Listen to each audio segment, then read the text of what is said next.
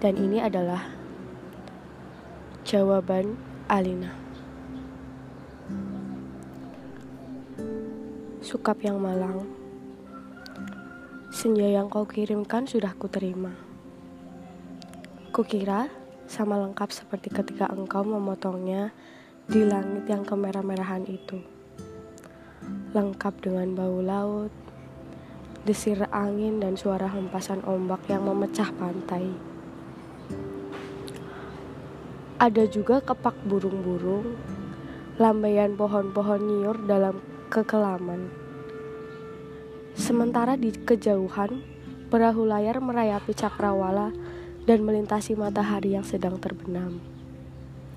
Aku pun tahu sukap, senja yang paling keemas-emasan sekalipun hanya akan berakhir dalam, dalam keremangan menyedihkan ketika segala makhluk dan benda menjadi siluet. Lantas menyatu dalam kegelapan. Kita sama-sama tahu keindahan senja itu kepastiannya untuk selesai dan menjadi malam dengan kejam. Manusia memburu senja ke mana-mana. Tapi dunia ini fana sukap. Seperti senja. Kehidupan mungkin saja memancara gilang gemilang, tetapi ia berubah dengan pasti. Waktu mengubah segalanya tanpa sisa, menjadi kehitaman yang membentang sepanjang pantai. Hitam, sunyi, dan kelam. Rupa-rupanya dengan cara seperti itulah dunia mesti berakhir. Senja yang engkau kirimkan telah menimbulkan bencana tak terbayangkan Apakah engkau tahu suratmu itu baru sampai 10 tahun kemudian? ah, engkau tidak akan tahu sukap. Seperti juga engkau tidak akan pernah tahu apa yang terjadi dengan senja yang kau kirimkan ini. Senja paling tai kucing dalam hidupku sukap. Senja sialan yang paling tidak mungkin diharapkan manusia. Senja ini baru tiba setelah 10 tahun karena tukang pos yang jahil itu rupanya penasaran dengan cahaya merah keemas-emasan yang memencara dari amplop itu sukap. Cahaya itu telah mengganggunya semenjak ia mengenjot sepeda dari kantor pos, berkilau-kilau dan memancar di atas surat yang tergantung di boncengan sepeda. Begitu rupa sehingga cuaca siang hari menjadi kacau, angin menderu dan ombak terdengar menghempas-hempas. Meskipun ia bersepeda mendaki Bukit Kapur, demikianlah maka ia suatu ketika berhenti. Dari dalam tas itu terdengar suara-suara. Ia buka tas itu dan ia melihat amplop Federal Express yang sudah tidak putih lagi, melainkan merah keemas-emasan sukap. Seperti senja dengan matahari terbenam di balik cakrawala.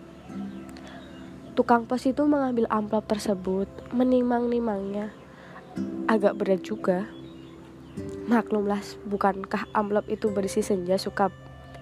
Senja dengan matahari merah membara yang turun berlahan-lahan di balik cakrawala. Seperti semua senja yang ada di balik kartu pos. Tapi yang kamu kirim itu bukan kartu pos sukap.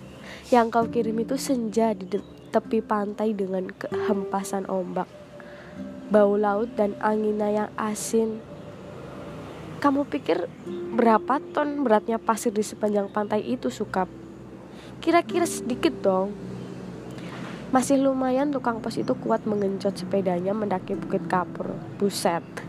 Kalau anak-anak kecil tahu ada matahari terbenam di dalam amplop itu, lantas bagaimana?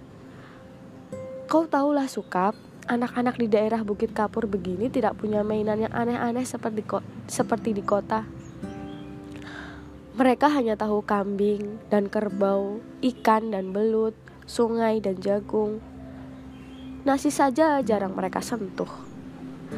Anak-anak yang tidak pernah tahu mainan robot berjalan dengan cahaya di dadanya, berkedip-kedip, pasti akan penasaran sekali dengan cahaya senja yang memancar berkilauan berkilauan merah dan keemas-emasan itu sukap. Mereka tidak pernah melihatnya sukap karena tukang pos itulah yang telah mendahului mereka. Ia menimang-nimang bungkusan berisi senja itu, mendengar-dengarkan, dan akhirnya mengintip. Tentu saja di dalam amplop itu dilihatnya senja sukap, senja terindah yang paling mungkin berlangsung di muka bumi. Ia mengintip dan terpesona. Ia buka amplop itu sebetulnya menurut kode etik profesi itu tidak boleh. Tapi manusia mana pun bisa melakukan kesalahan, bukan? Ia buka terus amplop itu dan melihat senja dengan langit merah keemas-emasan di dalam sana. Dan melihat mega-mega berpencar seperti perahu di danau, memberikan perasaan nyaman dan tenang. Siapa yang tidak suka merasa nyaman dan tenang di dunia, sukap? di sebuah dunia yang miskin masih bersimbah darah pula. Maka jangan salahkan tukang pos itu suka jika ia kemudian menjadi begitu penasaran dan memasuki senja yang terbentang. Tidak ada yang tahu apa nasib waktu. Ketika anak-anak akhirnya berkurumun di sekitar sepeda yang tergeletak itu, mereka hanya melihat cahaya senja yang kemerah-merahan yang semburat membakar langit. Amplop itu hanya bocor sedikit, tapi akibatnya sudah begitu rupa. Ini semua gara-gara kamu sukap, sukap yang malang, bodoh dan tidak pakai otak. Sepuluh tahun lamanya, tukang pos itu mengembara di dalam amplop. Kita tidak pernah tahu apa yang dilakukannya di sana. Apakah dia kawin, beranak pinak, dan berbahagia? Atau selama itu dia hanya duduk saja, memandang matahari terbenam dengan perasaan kehilangan, sementara langit yang tadinya merah keemas-emasan perlahan-lahan menggelap ke biru-biruan. Aku juga tidak tahu bagaimana caranya menikmati senja di dalam amplop sukap, sebuah ruang yang sungguh-sungguh terdiri dari waktu. Apakah waktu bisa diulang atau bagaimana? Aku belum pernah memasuki senja di dalam amplop. Atau apakah di dunia ini sebetulnya seperti di dalam amplop ya sukap di mana kita tidak tahu apa yang benar di luar diri kita. Di mana kita merasa hidup penuh dengan makna padahal yang menonton kita tertawa-tawa sambil berkata Ah, kasihan betul manusia. Apakah begitu suka kamu yang suka berhayal barangkali tahu. Tapi aku tidak mau hayalan. Aku tidak mau kira-kira. Meskipun usaha kira-kira itu begitu canggihnya sehingga disebut ilmiah. Aku mau tahu yang sebenarnya. Apakah ada yang menyaksikan kita sambil tertawa-tawa? Kalau iya, apalah artinya hidup ini sukap? Tidakkah nasib manusia memang seperti ikan yang diternakan hanya untuk mengisi akuarium di ruang tamu seseorang yang barangkali juga tidak terlalu peduli kepada makna kehidupan ikan-ikan itu? Aku tidak pernah tahu, tidak ada seorang pun yang tahu apa yang dialami tukang pos itu itu di dalam amplop. Sampai ia keluar 10 tahun kemudian dengan wajah bahagia. Ia sudah 10 tahun menghilang di dalam amplop, tapi ia tidak bertambah tampak tua.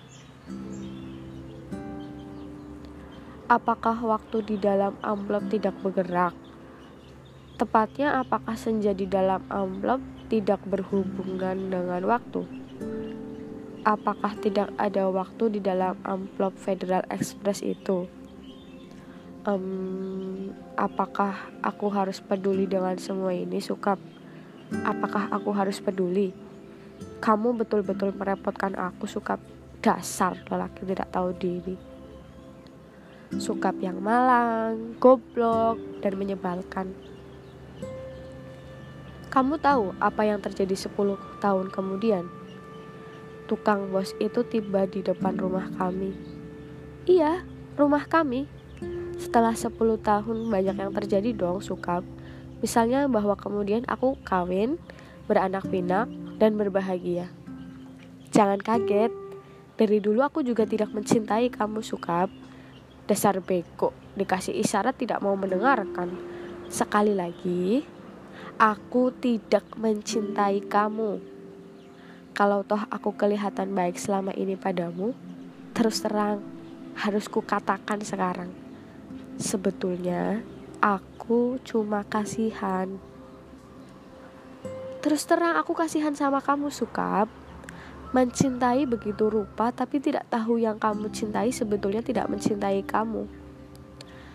Makanya jangan terlalu banyak berhayal suka pakai otak dong sedikit. Hanya dengan begitu kamu akan selamat dari perasaan cintamu yang tolol itu. Tapi bukan cinta tai kucing ini yang sebetulnya ingin kuceritakan padamu Sukap. Soal cinta ini sama sekali tidak penting kamu harus tahu apa akibat perbuatanmu ini suka mengirim sepotong senja untuk orang yang sama sekali tidak mencintai kamu. Tahu apa akibatnya? Begitu tukang pos itu pulang, setelah menceritakan kenapa kiriman Federal Express bisa terlambat 10 tahun, ku buka amplop berisi senja itu dan terjadilah semua ini. Apa kamu tidak tahu, Sukap? senja itu meski cuma sepotong, sebetulnya juga semesta yang utuh. Kamu kira matahari terbenam itu besarnya seperti apa? Seperti apem. Kalau sepotong senja itu di dalam amplop terus tidak apa-apa. Tapi ini keluar dan lautannya membludak tak tertahankan lagi. Bagaimana aku tahu amplop itu berisi senja sukap? Aku bukan penghayal seperti kamu. Hidupku penuh dengan perhitungan yang matang. Aku tahu betul untung rugi setiap perbuatan, terutama apa untung ruginya untuk diriku sendiri. Betapa pentingnya hidupku selamat demi suami dan anak-anakku. Pura-puranya aku, pura-puranya aku ini juga perempuan yang setia. Itu pula sebabnya, sebelum maupun sesudah kawin, aku tidak sudi berhubungan dengan kamu, Sukap. Lagi pula aku tidak mencintai kamu mau apa? Tapi kamulah yang tidak tahu diri mengirim senja tanpa kira-kira. Dunia ini jadi berantakan tahu, berantakan dan hancur lebur tiada terkira. Setelah amplop itu kubuka dan senja itu keluar, matahari yang terbenam dari senja dalam amplop itu berbenturan dengan matahari yang sudah ada. Langit yang biru bercampur aduk dengan langit yang kemerah-merahan yang terus-menerus berkedap menyilaukan karena cahaya kemas-emasan yang menjadi semburat tak beraturan. Senja yang seperti potongan kue menggelegak pantai terhampar seperti permadani di atas bukit kapur. Lautnya terhempas langsung membajiri bumi dan menghancurkan segala-galanya. Bisa, bisalah kau bayangkan suka bagaimana orang tidak panik dengan gelombang raksasa yang tidak datang dari pantai, tapi dari atas bukit. Air bah membanjiri bumi seperti zaman Nabi Nuh. Dunia menjadi gempar. Tidak semua perahu yang ada cukup untuk seluruh umat manusia kan?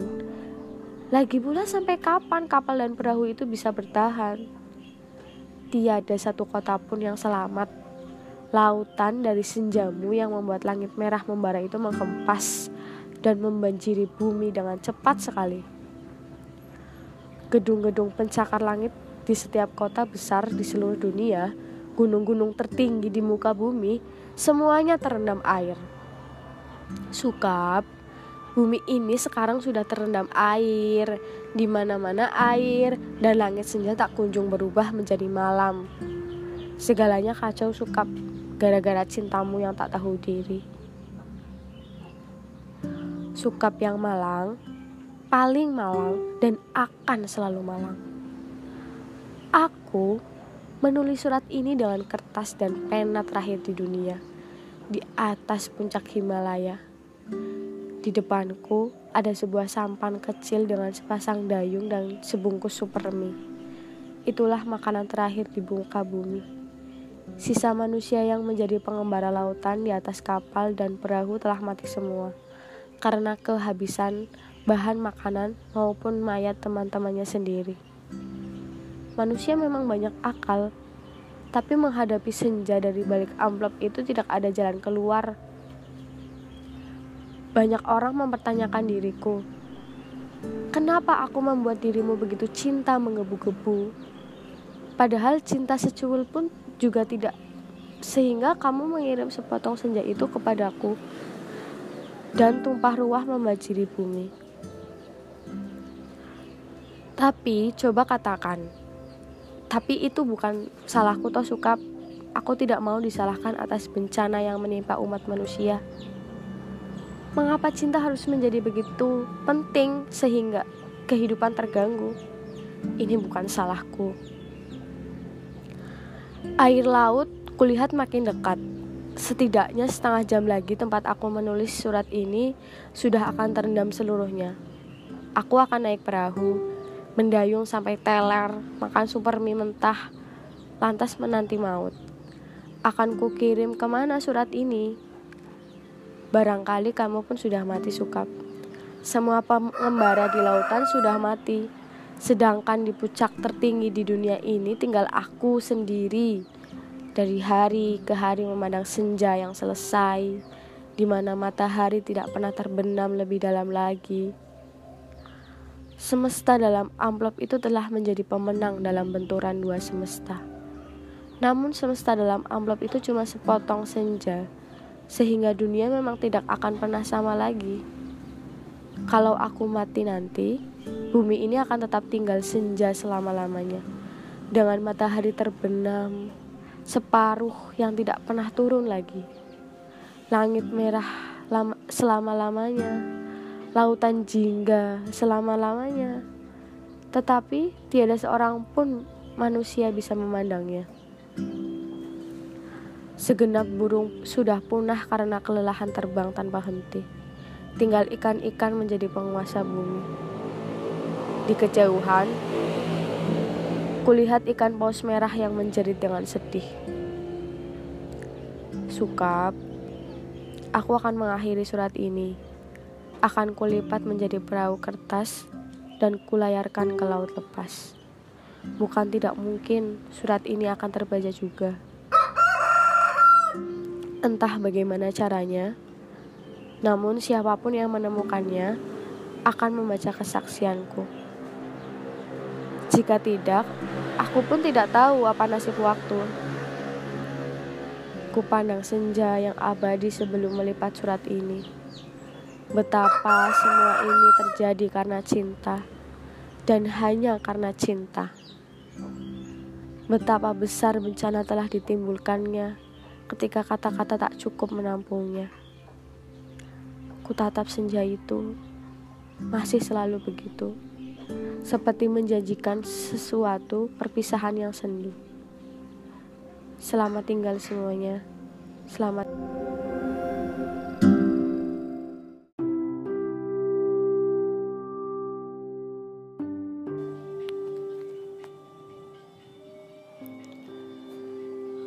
Maka pada suatu pagi hari, ia ingin sekali menangis sambil berjalan tunduk sepanjang lorong itu.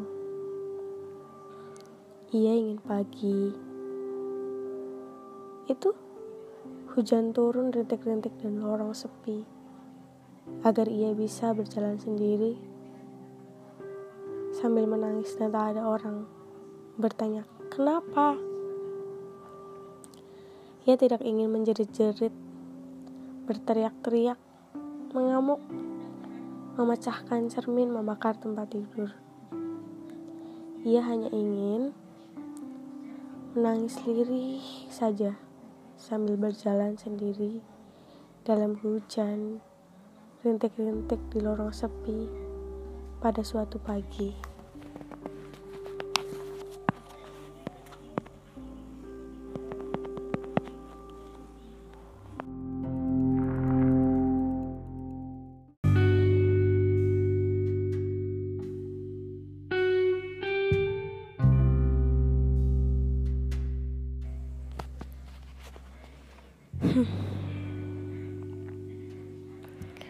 Hidup itu gak ada berhentinya ya. Mau sambat mau udahan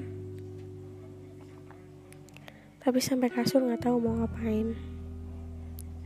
Akhirnya cuma scroll Instagram sama lihat taman dari teman-teman. Terus baca status WhatsApp dari teman-teman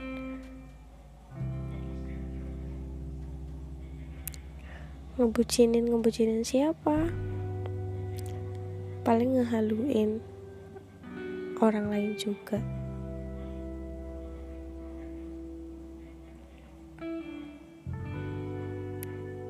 Untung masih bisa bersyukur hari ini. Apaan sih? Gaji banget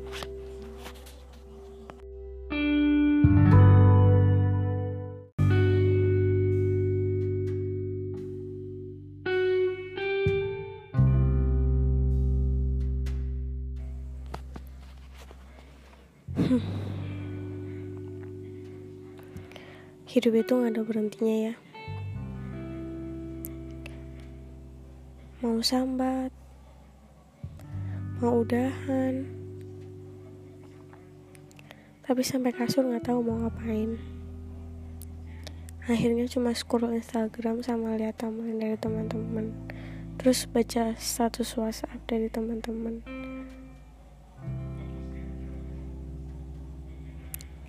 ngebucinin ngebucinin siapa?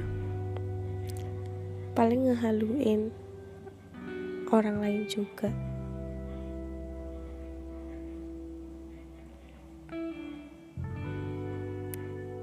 Untung masih bisa bersyukur hari ini. Apaan sih? Gaji banget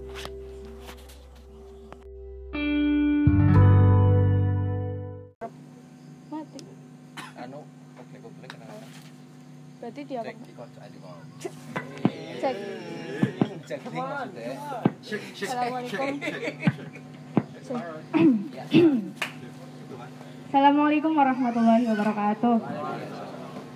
Perkenalkan nama saya Mainatiko. Kali ini saya akan membacakan salah satu cerpennya Mas Yusi Avianto yang berjudul Muslihat, Musang Emas, dan Elena. Kita punya peluang mendirikan agama baru, Doni. Kataku kepada Doni, adik sepupuku seorang fotografer. Kok bisa gitu, Mas? Kami berdua sedang ngopi di sebuah kedai di kompleks apartemen Kalibata City, Jakarta Selatan. Tempat tinggal Doni.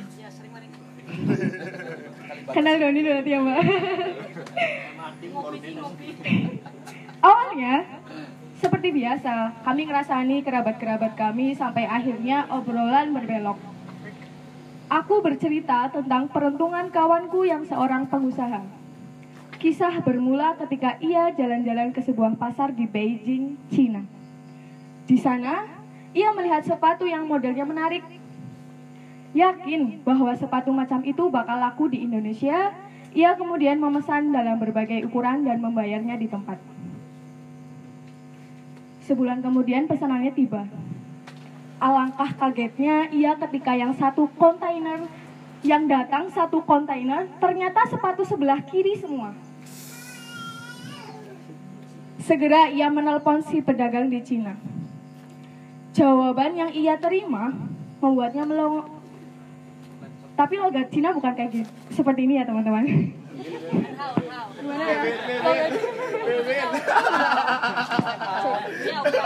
Cek.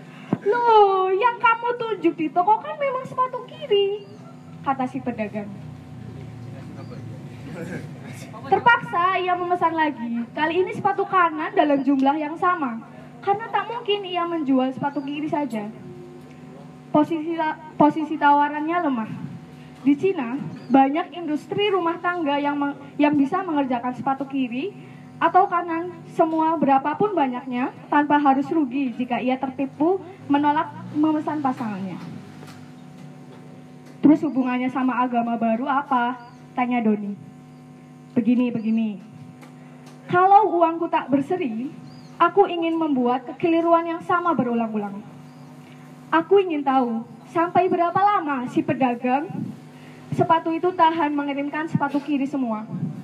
Aku ingin membeli rasa sungkannya. Jika sampai pemesanan yang ke-113 ia tetap mengerimkan sepatu kiri, aku menyerah. Aku akan mendirikan agama baru dengan menjadikannya sebagai Tuhan. Ia, ia yang tak punya takut niscaya Tuhan belaka. Dan kau bisa membantuku mendirikan agama baru ini. Bisa mendokumentasikannya pula, kataku. Doni meringis. Ia tidak tertawa sebagaimana kawan-kawan lain yang mendengar ceritaku. Halah, cerita biasa ya mas. Biasa apanya? Anjing itu ajaib. Kau belum dengar yang ini, kata Doni. Doni lantas bercerita selama dua jam diselilingi oleh pertanyaan-pertanyaanku. Berikut kisahnya yang kususun ulang. Bel apartemen Bo- Doni berbunyi tepat pada menit kedua lagu We Fall Falling in Love in Sometimes dari Elton John berputar. Lagu itu sudah Doni mainkan tiga kali pagi itu dan mungkin akan ia putar lagi dan lagi. Ia bukan penggemar berat diva Inggris itu. Ya, bagaimana tak ada penyanyi Britania yang lebih layak disebut diva ketimbang Sir Elton. Tetapi lagu pop yang satu itu pas betul dengan suasana hatinya. Yang datang adalah kurir yang mengantar pesanannya seragam serdadu Jepang Perang Dunia II. Ia membelinya dari butik khusus di Bandung. Tangannya mengelus-ngelus seragam hijau pupus itu sebelum memasangkan tanda pangkat kapten. Seragam itu modalnya untuk datang ke acara pernikahan dua orang anggota New Jakarta Reenactment Community. Kelompok yang gemar berkumpul dan berlakon secara amatiran memerankan adegan bersejarah dari berbagai era. Pasangan yang akan menikah itu meminta anggota yang lain datang mengenakan kostum masa Perang Dunia II. Yang kostumnya paling heboh bakal diajak ikut bulan madu. Begitu bunyi pesan mereka di grup WhatsApp dengan tambahan lima macam emoji. Mereka bercanda, tentu saja. Tapi Doni tahu belaka bahwa teman-temannya tak mungkin melewatkan kesempatan itu untuk berdandan habis-habisan dan sepasang pengantinnya bisa saja jadi akan lebih heboh lagi. Aku mau pakai seragam perwira Nazi, kata Elena ketika membaca pesan itu bersama Nodi, Doni di sebuah rumah kopi. Aku jamin gak bakal ada yang mengalahkan terangnya lipstik merahku. Merah yang bagaimana? Ya seperti yang di poster film lama, kata Elena. Doni memaafkan Elena yang tak mau merumuskan secara spesifik warna merah gincu yang ia pakai. Kepada orang lain, ia akan mengejar dan bertanya, poster film apa? Film negara mana? Lama di sini merujuk ke posternya atau filmnya. Dan sebagainya. Ia punya kecenderungan, kecenderungan seperti itu. Tapi hatinya dari dulu lemah terhadap orang yang ia taksir. Apalagi di hadapan Elena. Awas, jangan jadi pengecut pas kondangan nanti, kata Elena. Maksudmu? Ya, jangan pakai baju yang biasa-biasa saja. Dengan alasan itu, pakaian pegawai negeri tahun segitu. Jangan cari gampangnya juga dengan pakai baju sobek-sobek terus bilang dirimu laskar pelangi. Pokoknya mesti usaha. Aduh, kok aduh? Kau juga harus pakai busanamu sejak dari rumah. Jangan pakai di kamar mandi tempat resepsi. Jangan pula bawa mobil sendiri seperti dulu. Nggak seru tahu. Kau tinggal di Kalibata City kan? Naik KRL saja. Kalau angkot terlalu merepotkan, minimal taksi lah. Bakal dapat hadiah apa kalau aku berani? Buktikan dulu. Baru nanti kita bicara soal hadiah, kata Elena. Doni percaya bahwa Elena akan benar-benar muncul dengan seragam yang ia janjikan. Kalau saja pilihan Elena bukan seragam SS, Doni ingin sekali mengembarinya. Mengenakan seragam prajurit Gestapo terlalu ekstrim baginya. Ia pernah jengah setengah mati ketika ada beberapa orang kulit putih memaki-maki temannya yang mengenakan seragam perwira SS ketika mereka sedang berkumpul di kawasan kota. Pilihan baju serja, pilihan baju serdadu Jepang ia rasa aman dan cukup keren. ia punya alasan lain yang sedikit sentimental. 25 tahun yang lalu, ketika ia masih kanak-kanak, Doni pernah begitu terpukau melihat kakak kandungnya berlakon sebagai perwira Jepang yang kejam dalam pementasan 17-an di kampung mereka di Semarang. Jauh hari sebelum pentas, kakaknya yang saat itu masih duduk di bangku SMA sudah berhasil memikat hati orang orang kampung yang menonton latihan dengan pengucapan makian Begero. Gitu nggak sih? Kalau lihat lihat Naruto sih kayaknya gitu, tapi ya lebih tepatnya Bakero, yang artinya bisa dungu atau tai. Oh gitu. yang sangat meyakinkan. Latihan-latihan lalu sangat ditunggu dan untuk setiap bagero yang keluar dari mulutnya, penonton bertepuk tangan meriah.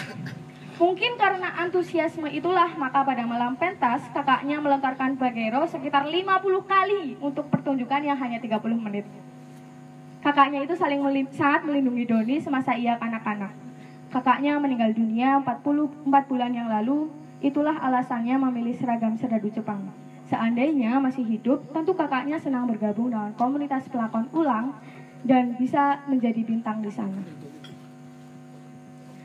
Doni ikut komunitas pelakonan ulang karena Elena. Ia tidak diajak. Tapi karena Elena menyebut-nyebut tentang komunitas ini, ia bergabung supaya punya alasan sering bertemu.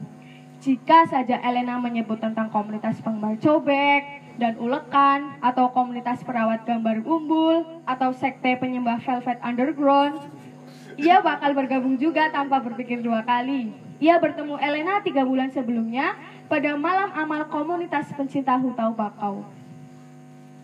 Para anggotanya seperti anggota komunitas-komunitas lain, lebih menamai kelompok mereka dalam bahasa Inggris, Mangrove Addicts. ia sebetulnya tidak terlalu peduli bakau. Tentu, ia suka jika hutan bakau terjaga. Tapi kalau diminta benar-benar berkeringat untuk perbakauan, ia akan melipir sebelum melarikan diri. Doni sedang duduk menunggu ketiga temannya selesai berhandai-handai setelah acara ditutup ketika seorang perempuan yang Doni taksir berusia 20-an akhir duduk begitu saja di sampingnya. Perempuan berkulit cerah itu mengeluarkan pil dari tasnya dan meminumnya. Spontan, Doni bertanya, sakit mbak? Hmm, enggak, ini pil bulanan. sakit bulanan? Bukan, ini pil biar aman tiap bulan. Tahu sendirilah mas, saya minum teratur pada jam yang sama supaya tidak lupa. Kalau ngandelin pasangan pakai pengaman kok masih was-was ya? Perempuan itu masih duduk selama tiga menit sebelum bangkit dan tersenyum. Doni, Doni bukan laki-laki dungu. Ia tahu apa yang diminum perempuan itu. Setidaknya demikian jika pengakuan perempuan itu bisa dipercaya. Oh salah. Doni bukan laki-laki dungu. Ia tahu apa yang diminum perempuan itu, setidaknya demikian jika pengakuan perempuan itu bisa dipercaya. Doni sempat memikirkan sekiranya perempuan itu melemparkan isyarat dan ia kurang sigap. Ia tertal, oh iya mas Doni, lalu ia tak terlalu menyesali jika benar demikian. Keterbukaan perempuan itu kepadanya, orang asing bagi perempuan itu menyadarkan dirinya bahwa ia masih punya harapan. Pada acara-acara berikutnya, Doni lebih rileks dan pelan-pelan kefasihan lidahnya kembali. Ia beroleh beberapa kenalan baru perempuan. Doni membenarkan dengan malu-malu perkataan teman-temannya bahwa parasnya memang oke. Perkenalan-perkenalan itu ada yang berlanjut keranjang atau pekerjaan atau keduanya atau tidak sama sekali. Doni tak terlalu risau. Ia menikmati yang bisa ia dapat. Ia tak pernah membanggakan kepada teman-temannya jika yang ia kencani kebetulan seorang sosialita atau model yang punya nama. Dua kelompok yang selalu ada saja di komunitas apa pun. Teman-temannya iri, tapi bagi Doni yang perempuan-perempuan perempuan-perempuan itu teman kencan biasa. Kebetulan saja nama mereka dikenal banyak orang. Ia pernah berpacaran dengan model dan bintang film sebelum ia menikah. Mantan istrinya juga salah satu seorang juara dalam ajang Abang None Jakarta. Doni mungkin akan terus nyaman dengan situasinya jika seorang anggota Sarekat Muslihat Musang Emas tidak mengundurkan diri satu persatu. Herman bertemu pacar serius di komunitas filateli. Kandar mendapat pekerjaan baru di Myanmar dan Sinyo satu-satunya anggota yang bukan lajang nyalinya menciut setelah istrinya mulai curiga. Sebetulnya Doni tak berminat sama sekali datang ke malam amal komunitas Bakau, tapi salah seorang pengurus komunitas itu seorang laki-laki yang selalu tampak aleman memintanya membantu urusan dokumentasi. Doni bersedia karena yang memintanya pernah memberinya bayaran besar pada masa awal Doni meniti karir dan ia merasa berutang budi. Hati, no, hati Doni berdesir begitu ia melihat Elena yang malam itu datang mengenakan baju putih longgar, celana jeans biru, dan sepatu boot kulit hitam. Ia tak pernah bertemu Elena pada acara komunitas bakau sebelumnya. Di mata Doni, paduan busana sederhana itu terlihat sangat serasi. Paras juwita Elena juga berbeda dari sekian wajah cantik yang pernah Doni kencani. Misterius dan ramah pada saat yang bersamaan. Doni sulit sekali mengalihkan pandangan. Gawat nih, pikirnya. Tapi ia tak berani bilang apa-apa. Kefasihan lidahnya yang sudah kembali dalam beberapa bulan terakhir menghilang pada malam itu.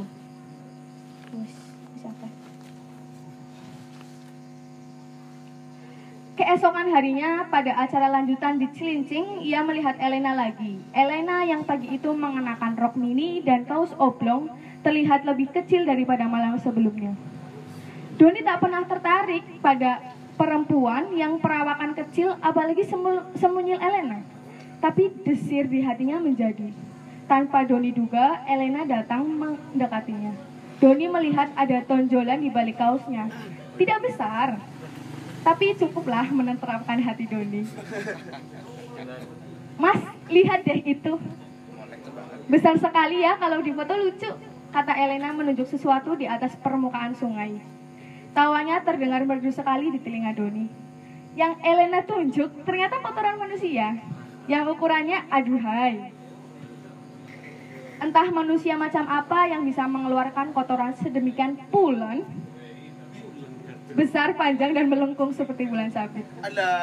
Doni kagum dan ikut tertawa. Ia memotretnya. Seandainya Elena memintanya membungkus kotoran itu untuk kenang-kenangan, ia akan patuh.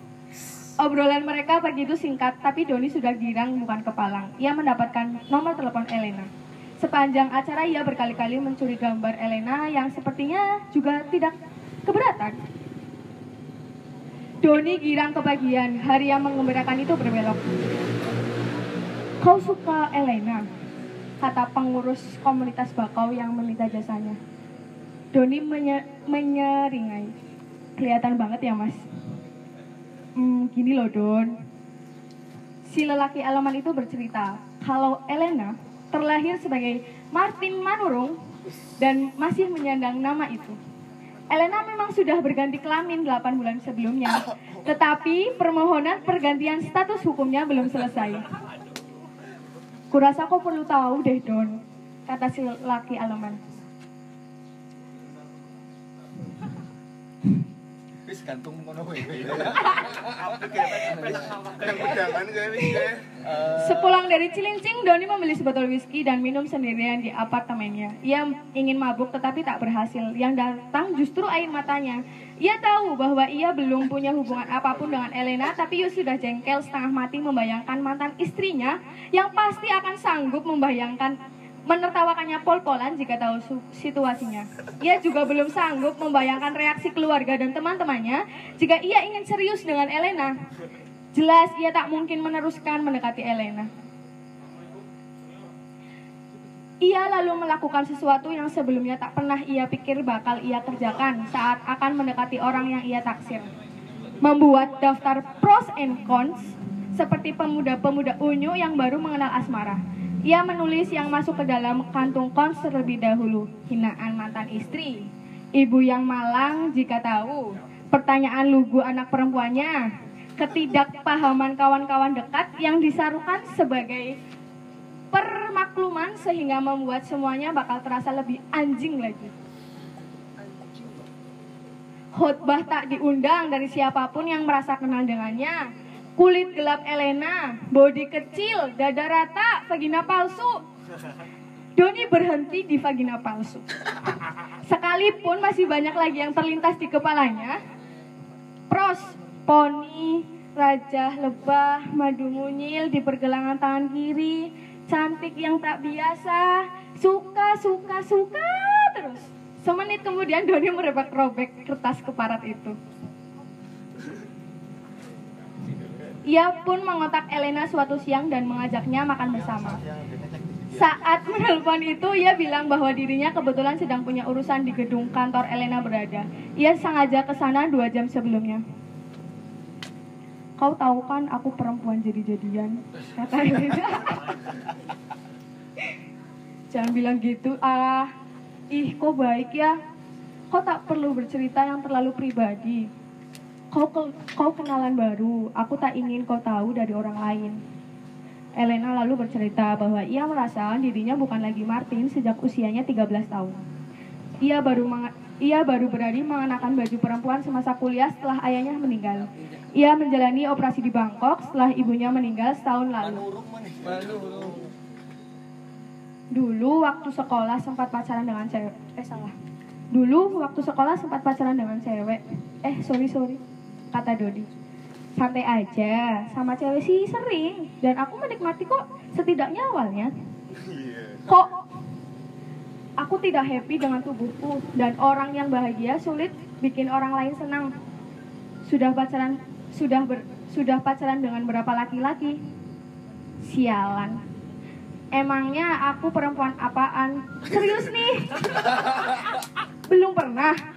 Belum ada yang menarik. Doni tersenyum. Siang itu ia sempat berpikir bahwa ia mungkin akan menjadi laki-laki pertama yang memasuki Elena. Ia pulang dengan rasa bunga, tapi bukan harapan akan ber- akan beroleh yang semacam itu yang membuat Doni ingin bertemu Elena. Ia merasa benar-benar nyambung dengan Elena. Wawasan Elena luas, tak terbatas di bidang keuangan yang menjadi profesinya. Sehingga dengan malu campur kagum, Doni memilih pura-pura paham saat Elena bicara seg- segala macam. Langsung, ya. Seperti ungkapan klise, hati sudah bicara. Ia yakin Elena juga suka kepadanya. Oh iya, terakhir. Pesta pernikahan di Gedung Arsip Nasional Malang itu meriah sekali.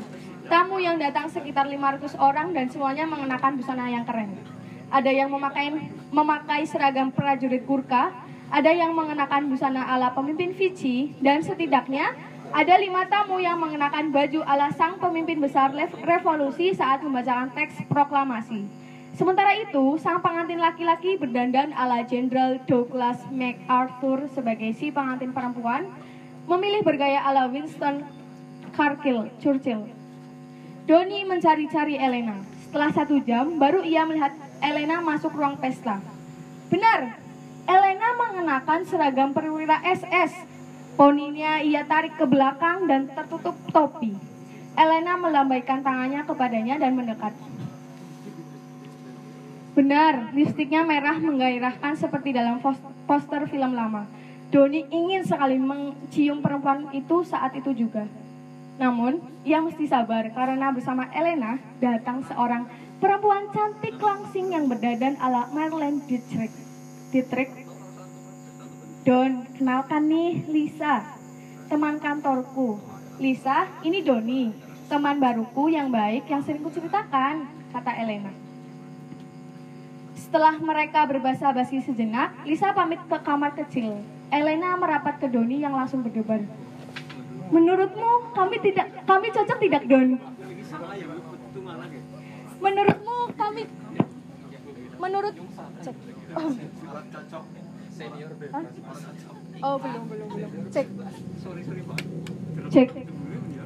Menurutmu kami cocok tidak Don? Aku sudah lama nih naksir dia, tetapi belum punya kesempatan nembak dia.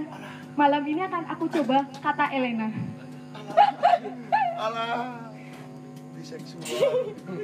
Sekiranya Doni membawa pedang pendek yang meleng- yang pelengkap kostumnya, barangkali akan menyobek perutnya ma- malam itu juga di, di tempat pesta. Saya ulangi ya. Don, kenalkan, ini Lisa, teman kantorku. Lisa, ini Doni, teman baruku yang baik yang sering kuceritakan itu. Setelah mereka berbasa-basi sejenak, Lisa pamit ke kamar kecil. Elena merapat ke Doni yang langsung berdebar. Menurutmu kami cocok tidak, Don? Aku sudah lama naksir dia, tetapi belum punya kesempatan nembak dia. Malam ini akan aku coba, kata Elena. Sekiranya Doni membawa pedang pendek sebagai pelengkap kostumnya, barangkali ia akan menyobek perutnya malam itu juga di tempat pesta. Kapan itu Don? Tanya mas-mas sepupunya Don. Dua hari yang lalu mas. Aku sebenarnya ingin mengajak Doni berbicara tentang gender dan seksualitas. Tapi saat melihat wajah Doni yang kusut, aku tahu bahwa ia tak akan berminat. Aku mengacak-acak rambutnya. Walah, kasihmu kodo, Don cemerlang sekali. Matamu, mas. Kepalaku ini mau pecah loh. Malam ini tak cukup kopi, Don, kataku. Malam itu aku mentraktirnya minum di sebuah bar di Kemang.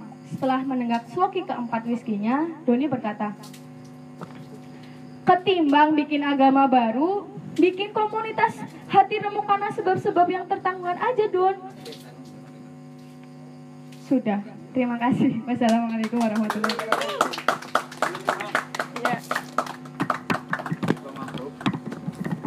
Monggo, monggo. oh iya mamu nih sih pak Ubuk loro. oh iya iya Properti, Pak. Properti.